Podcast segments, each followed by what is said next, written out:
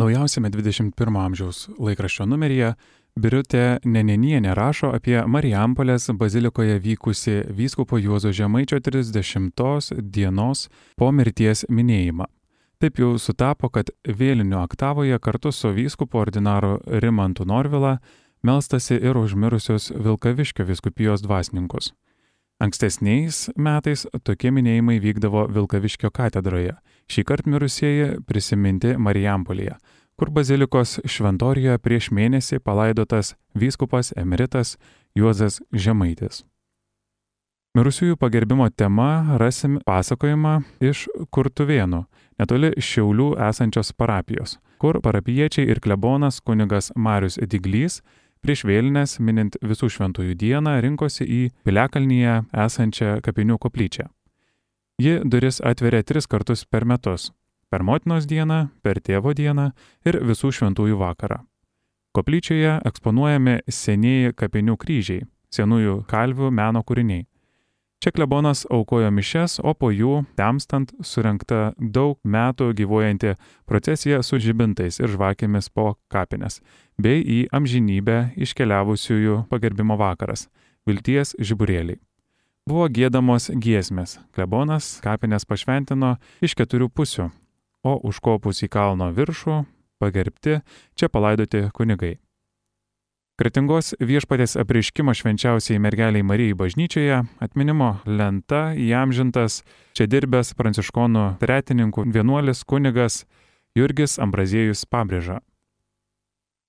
Zigmas Tamakauskas rašo apie savo bendravimą su kardinolu Vincentu Slatkevičiumi. Mindaugas Buika straipsnėje vargšai yra Kristaus sakramentas, apžvelgia popiežiaus Pranciškaus mintis apie skurdo priežastis ir sprendimo galimybės, išsakytas jo kreipimėsi prieš švenčiant pasaulinę vargstančiųjų dieną.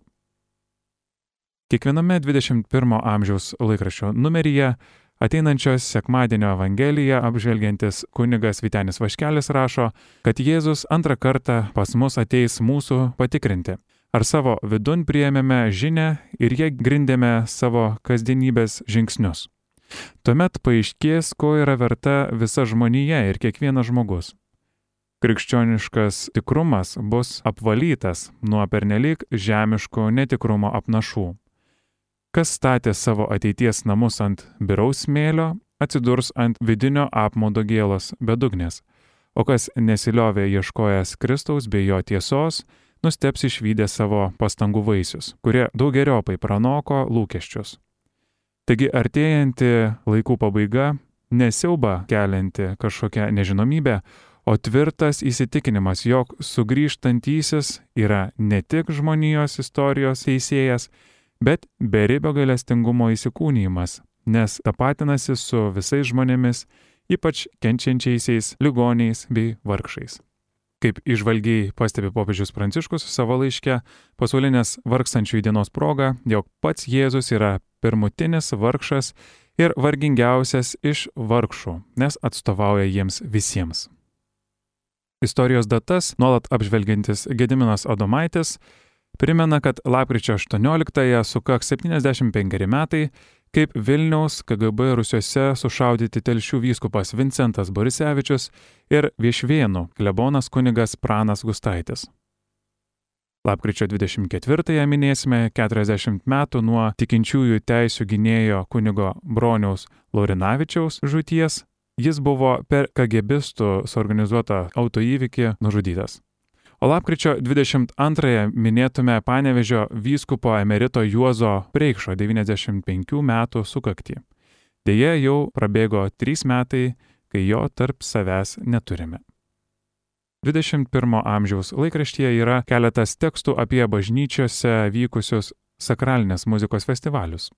Vieno iš jų sielos uždarimo koncertas vyko Palangos švenčiausios mergelės Marijos ėmimo į dangų bažnyčioje.